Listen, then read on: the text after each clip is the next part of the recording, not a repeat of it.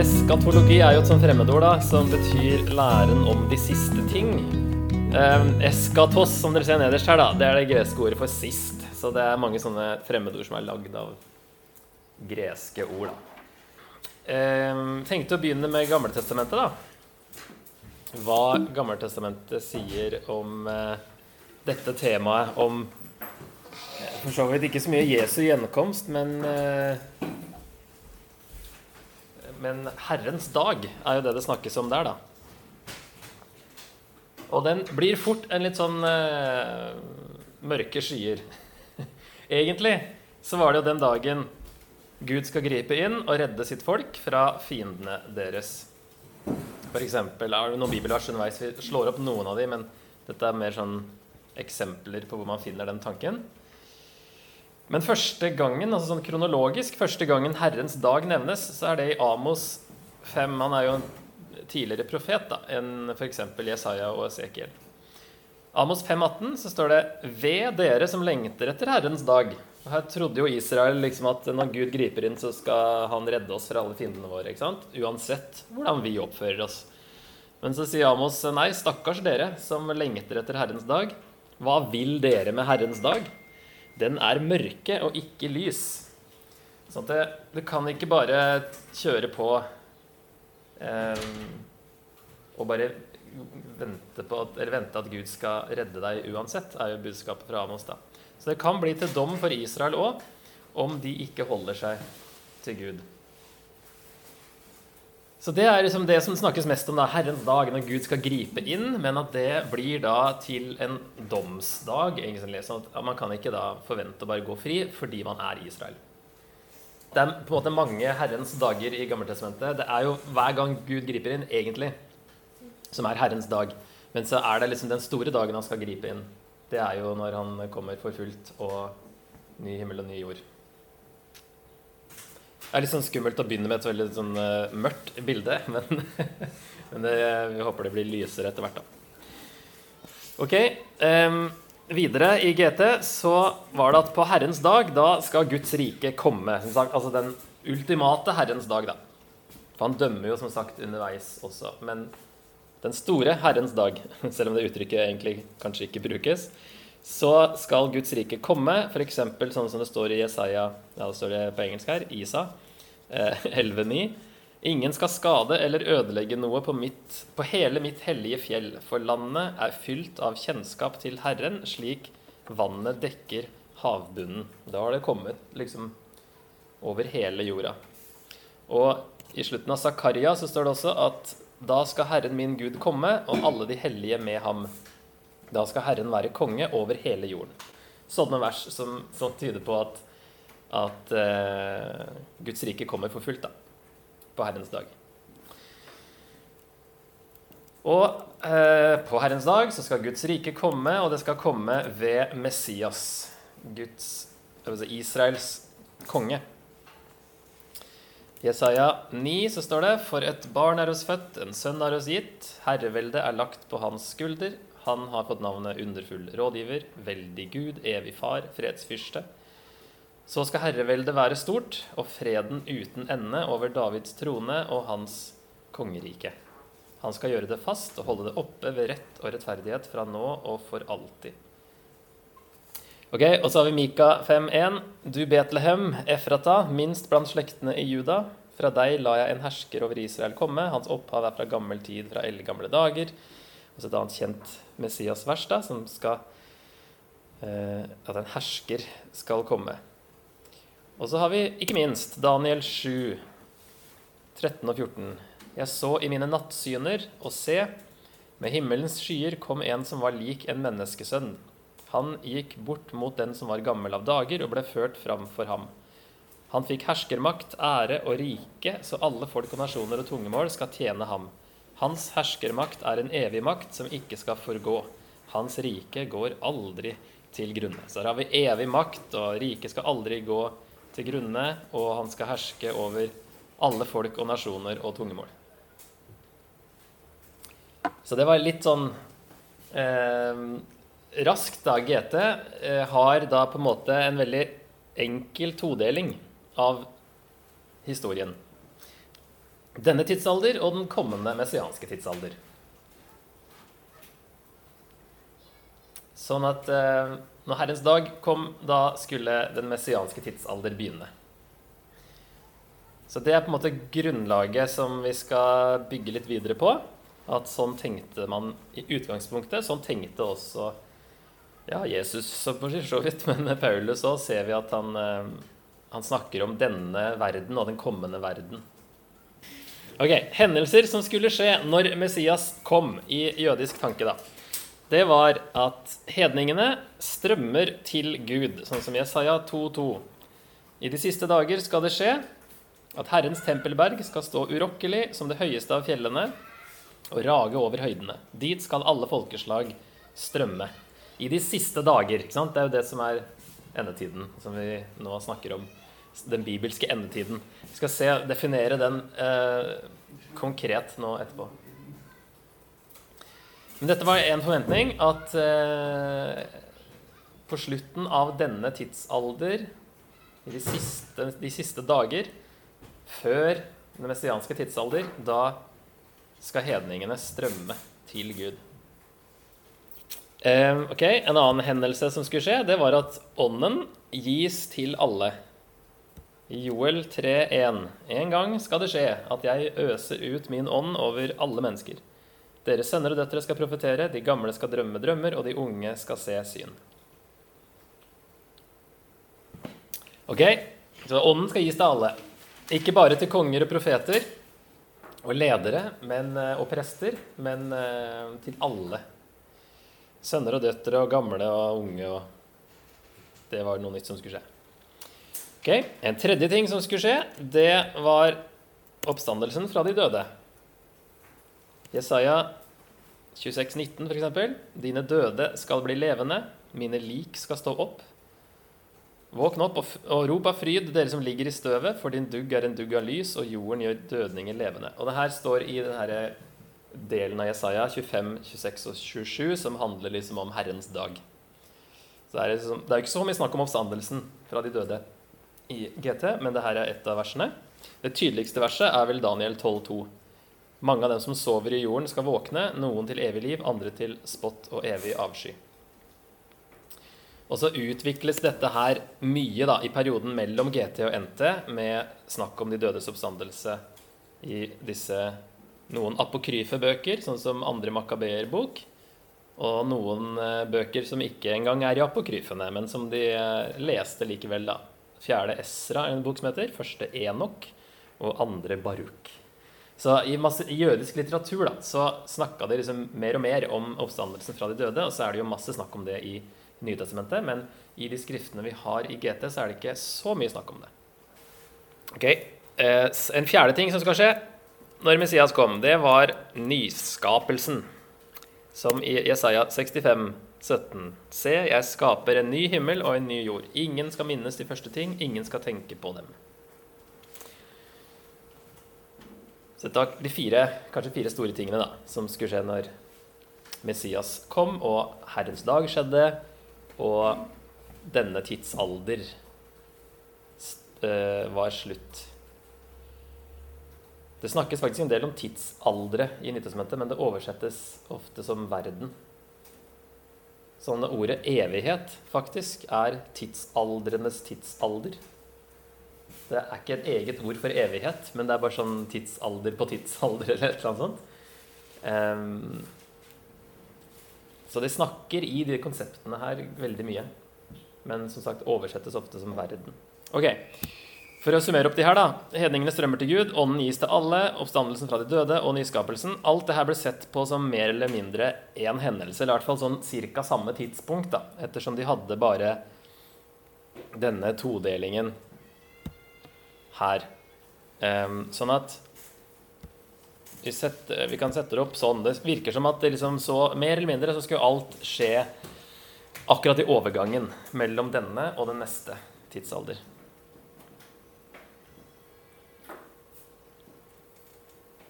Så så jo ikke profetene ikke Når de så Jesus, eller Messias, så er det som om de så to fjelltopper, men de så ikke at det var en dal imellom. Det er sånn det kan være. Når man går på fjelltur, så er det en luretopp. det er for så vidt at du bare ser den første, da. Og så er det Å ja, det var en topp til som var den egentlige toppen. Eh, eller så kan de lines helt opp, så det ser ut som det er én topp, og så er det to. Så sånn er det når profetene de eh, får ikke se hele bildet, egentlig. De ser bare Messias som én hendelse. Derfor beskrives det som én hendelse. Men så ser vi jo at Jesus kom én gang med lidelse og døde, og så kommer han en gang til, eller skal komme en gang til, som konge.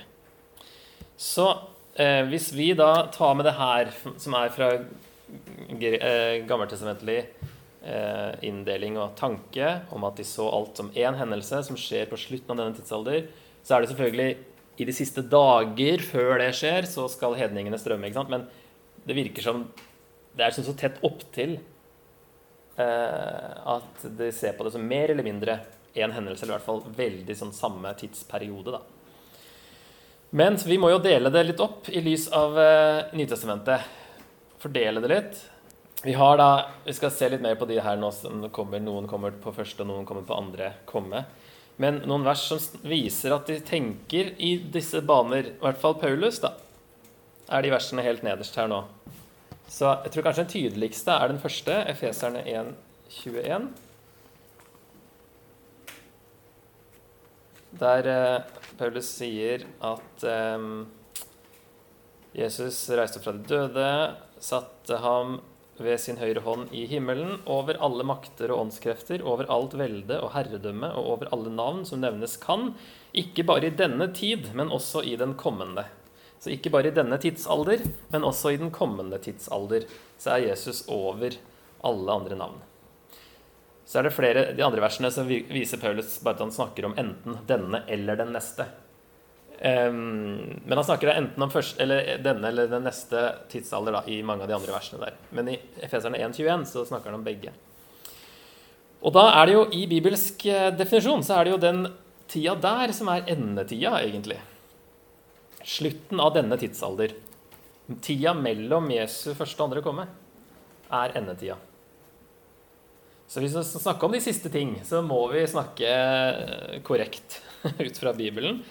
Eh, at det er denne perioden her som er de siste dager, eller endetida, som vi ofte kaller den. da. Det brukes ofte ikke det uttrykket i Bibelen. Men hvis vi ser i f.eks. Apostelens gjerninger 2, 17, så er det jo der eh, Peter siterer Joel, som vi så i stad, med at i de siste dager så skal eh, Eller én dag skal det skje, står det jo i Joel. I hvert fall i den hebraiske som vi har. En dag skal det skje at jeg øser ut min ånd. Men når eh, Peter siterer det, så sier han i de siste dager skal det skje, sier Gud. Så i hvert fall så tolker han det, og det er jo ganske riktig tolka, at eh, når ånden kom på pinsedag, så var det fordi de siste dager hadde kommet, fordi Jesus hadde kommet.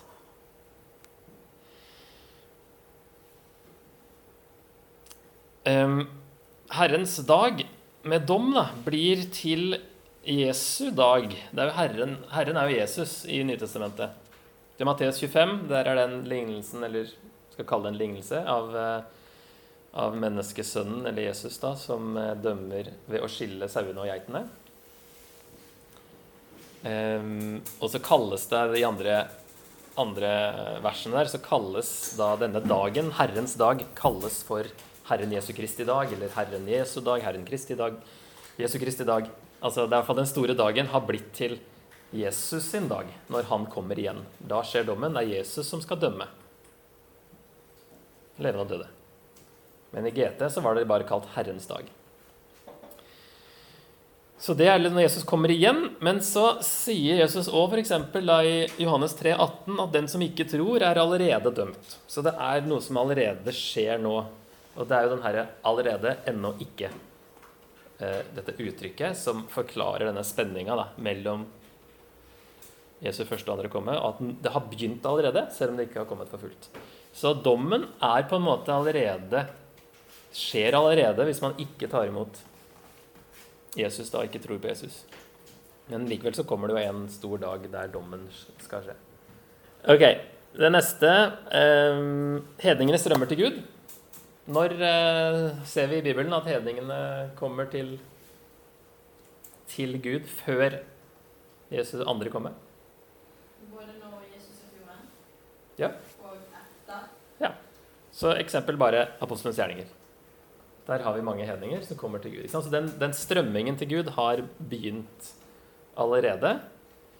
Men så er det jo, som vi så i Hans åpenbaring 7-9, alle folk vil stå foran tronen. Altså, altså mennesker, ikke alle, ikke alle men, ja, ja, alle vil jo det til dom, men, men mennesker fra alle folkeslag og tunger og stammer osv. vil være en del av Guds folk til slutt. Men det har, det har begynt allerede, og det vil fortsette og fortsette. og fortsette. Det er det som er poenget si, med denne mellomperioden. Å få inn flest mulig hedninger, for så vidt, og jøder, som, eh, som da har, har sjans eh, fortsatt. Absolutt. Men eh, er litt forherda, som Paulus også snakker om. Bare noen vers på oppstandelsen fra de døde. Jesus snakker om det i Johannes 5, at eh, de døde skal høre hans røst. Det kommer en dag når det skal skje, at de skal stå opp igjen fra gravene. Og da her har vi den Johannes åpenbaring 20 med at eh, dødsriket og havet og alle som har dødd liksom både her og der, skal eh, bli levende igjen og stå foran en stor hvit trone og dømmes da. Eh, men så viser Jesu oppstandelse fra de døde at dette skal skje. Altså Jesus kalles i Kolosserne 1,18 den førstefødte av de døde. er det det? I hvert fall så er han den første som har stått opp igjen fra de døde. Og at det viser, som Paulus argumenterer med i 1. Korinter 15 det, ikke, altså det at Jesus har stått opp igjen, viser at alle skal stå opp igjen. Hvis man ikke tror at Jesus har stått opp igjen fra de døde, så kan man ikke tro at Eller de som ikke tror det skjer en oppstandelse i framtiden, kan heller ikke tro at Jesus har stått opp igjen, er argumentet til Paulus der, da. Men i Kolosserne 1,18 så sier han han er hodet for kroppen, som er kirken. Han er opphavet, den førstefødte fra de døde. Um, han sier også det i Johans åpenbaring 1, vel. Jeg er den førstefødte av de døde, eller noe i lignende uttrykk. da. Så Jesus er den første som har stått opp igjen på den måten vi skal stå opp igjen. Alle skal stå opp igjen.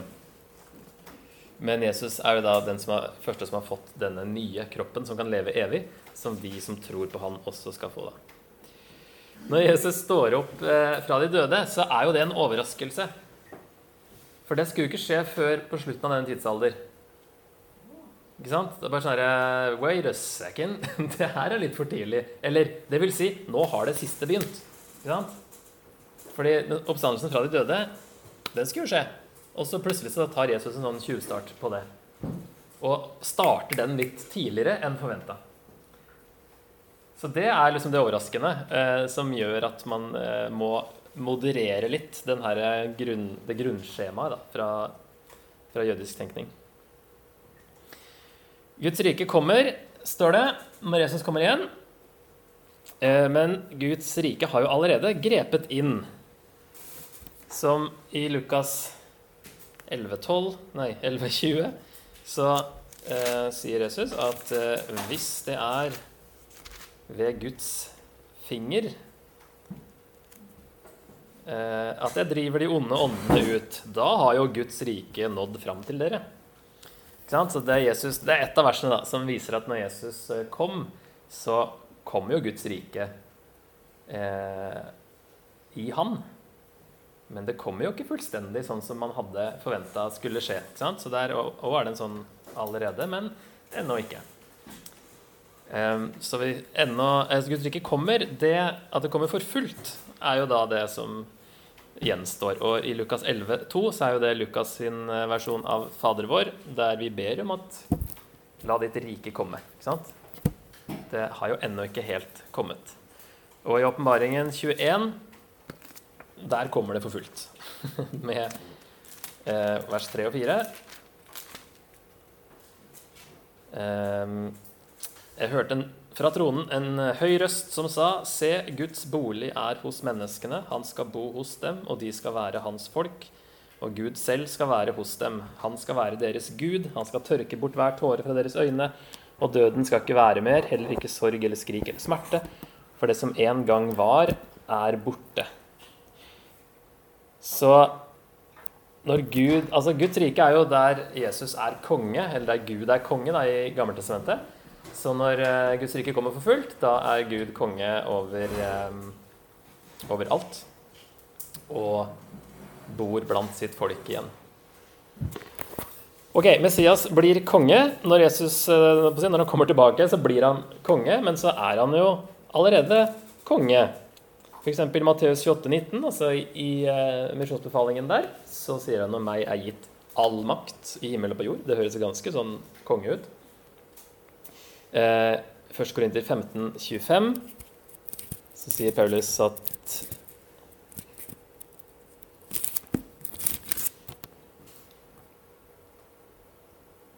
For han skal være konge helt til Gud har lagt alle fiender under hans føtter. Og det snakker han om denne tidsalder.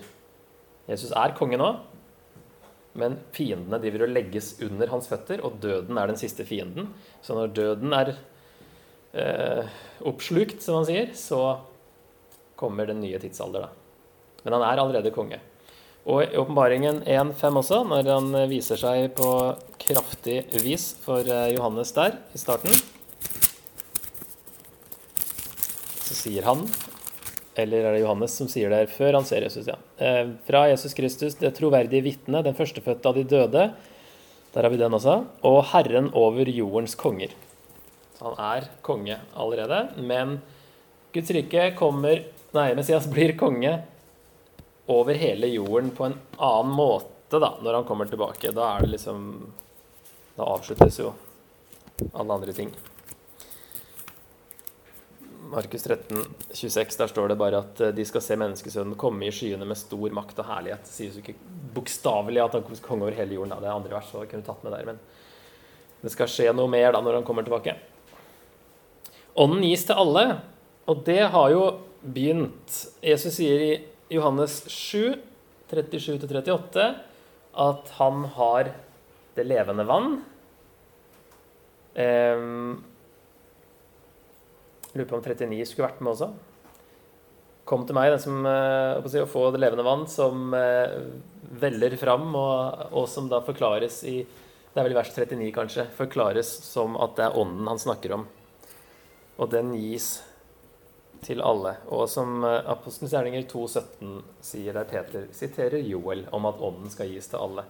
Så har jo det allerede begynt. ikke sant? Det er jo ikke noe som da vi venter med, eller at, som Gud venter med, men det det kan si det peker fram mot altså Fordi alle som kommer til tro, får ånden som et sånt et seil. ikke sant? Har vi sett flere steder i Paulus sier. Så da får du ånden som et pant brukes. Et pant, eller sånn eh, Og en pant, tenk sånn flaskepant, da. Så har du betalt for, panten, så du kan eh, levere inn flaska, så får du tilbake panten. Um, så her har vi fått noe som vi kan få senere. Altså Det er litt sånn pant-tankegang, hvis, hvis, hvis, vi bruker det bildet fra flaskepant. Um, så har vi fått et sånt forskudd på noe som kommer. Men det som skjer når Jesus kommer igjen, det er at Ånden gir liv til alt. Da er det ikke luft, eh, mat og drikke og oksygen vi lever av, da lever vi ved Guds ånd. 1. Korinter 15, noen vers der fortsatt. Det er der Paulus snakker en del om dette her. Der er det da snakker om det sjelelige og det jordiske mennesket, det som lever ved å puste og spise og drikke som vi gjør nå, og det åndelige mennesket, det som har liv ved Guds ånd. Da. Og Der har jeg i hvert fall tatt med Johannes 3, nei, 7,39 der, om, eh, der Johannes forklarer at det Jesus sier med, om vannet, det handler om ånden. Så at Jesus gir det til alle allerede, og at det skal gi liv til alt på slutten alt i Guds rike lever ved Guds ånd. Eh, og det bildet dukker opp igjen nå i åpenbaringen 22.1, der Johannes ser en elv med livets vann. En elv av ånden, egentlig. Fordi Jesus snakker om livets vann, levende vann. Så at det er ånden. Når han ser en elv av livets vann, så er det på en måte det man drikker i, på den nye jord, det er ånden. Og det er det som holder oss i live. Nyskapelsen, nå kommer til den siste, øverst, den eh, skal bli fullstendig, i hvert fall, når Jesus kommer tilbake. Og i Romerne 8 så snakker Paulus om at dette skaperverket er underlagt forgjengelighet, men at det stønner og bare kan ikke vente til å bli fri fra synd, det er egentlig også, skaperverket, og er liksom ødelagt og hemma av synd. Eh, sånn som at vi skal bli satt fri fullstendig, sier Paulus, så skal også resten av skaperverket settes fri. Så at nyskapelsen da skal bli fullstendig. Også åpenbaringen 21. 1. Jeg så en ny himmel og en ny jord, som vi så tidligere. Det for så vidt da verset fra Jesaja 65, men her er det det samme da i åpenbaringen 21. Men så har jo nyskapelsen allerede begynt ved at vi blir nye skapninger. De versene her kan vi jo lese, da. Hvis vi begynner med Galaterne 6,15.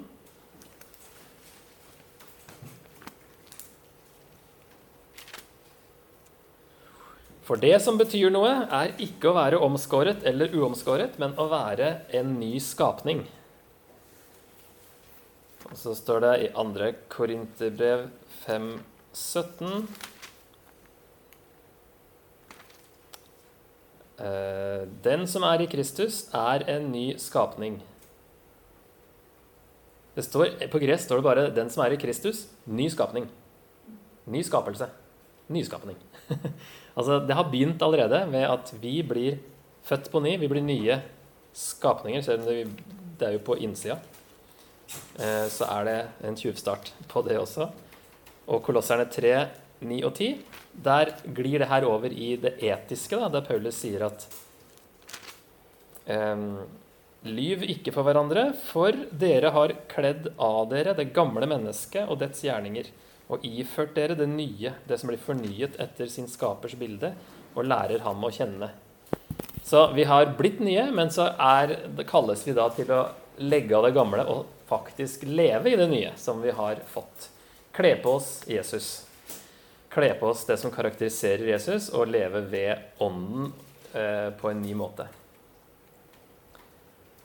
Så da ble det veldig praktisk, det her med at nyskapelsen har begynt. Og så skal vi eh, se litt mer på endetiden her, det som da i Bibelen kalles endetiden, ved at vi lager litt plass imellom. Nyskapelsen har begynt. Det vises også i helbredelsene som Jesus gjør. Det viser at, også at Guds rike har grepet inn eh, som kommer lenger ned. Men, men eh, at det nye tar over for det gamle da, og eh, reverserer syndefallet, forbannelsen som kom av syndefallet.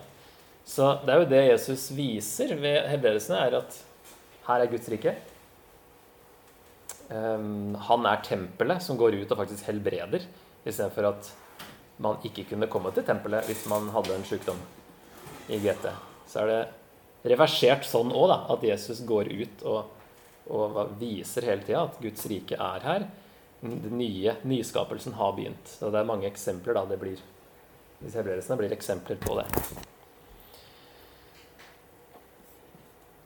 Ånden, dette med ånden som gis til alle, og som til slutt skal gi liv til alt, det vil jo vise seg nå i denne perioden som åndelig liv til de som tror.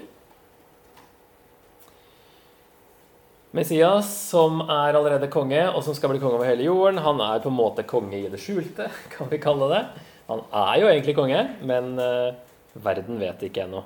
Men han er konge i våre hjerter, i hvert fall. Uh, og i sitt rike, som delvis har kommet, da. Guds rike har allerede grepet inn, og Guds rike kommer for fullt. Der kunne jo putta helbredelsene inn der også, men jeg har putta omvendelse i stedet. Um, det første Jesus sier i Markus-evangeliet, er jo Guds rike er kommet nær. Venn om og tro på evangeliet. Nå, Guds rike har kommet, det har kommet nær, kommet veldig nær, eh, i Han. Så venn om og tro på de gode nyhetene om at Jesus er konge. Gud er konge. Så det er det, I endetiden så er det det man på en måte bør fokusere på kanskje når det gjelder dette med Guds rike. Da, det er at, å omvende seg for, eh, før det kommer for fullt. I tråd med Jesus altså i Markus 1,15. Jesu oppstandelse fra de døde eh, viser at man får en åndelig oppstandelse ved tro. Jeg har ikke tatt med noen vers her, men vi kan ta med f.eks. Romerne 6,4.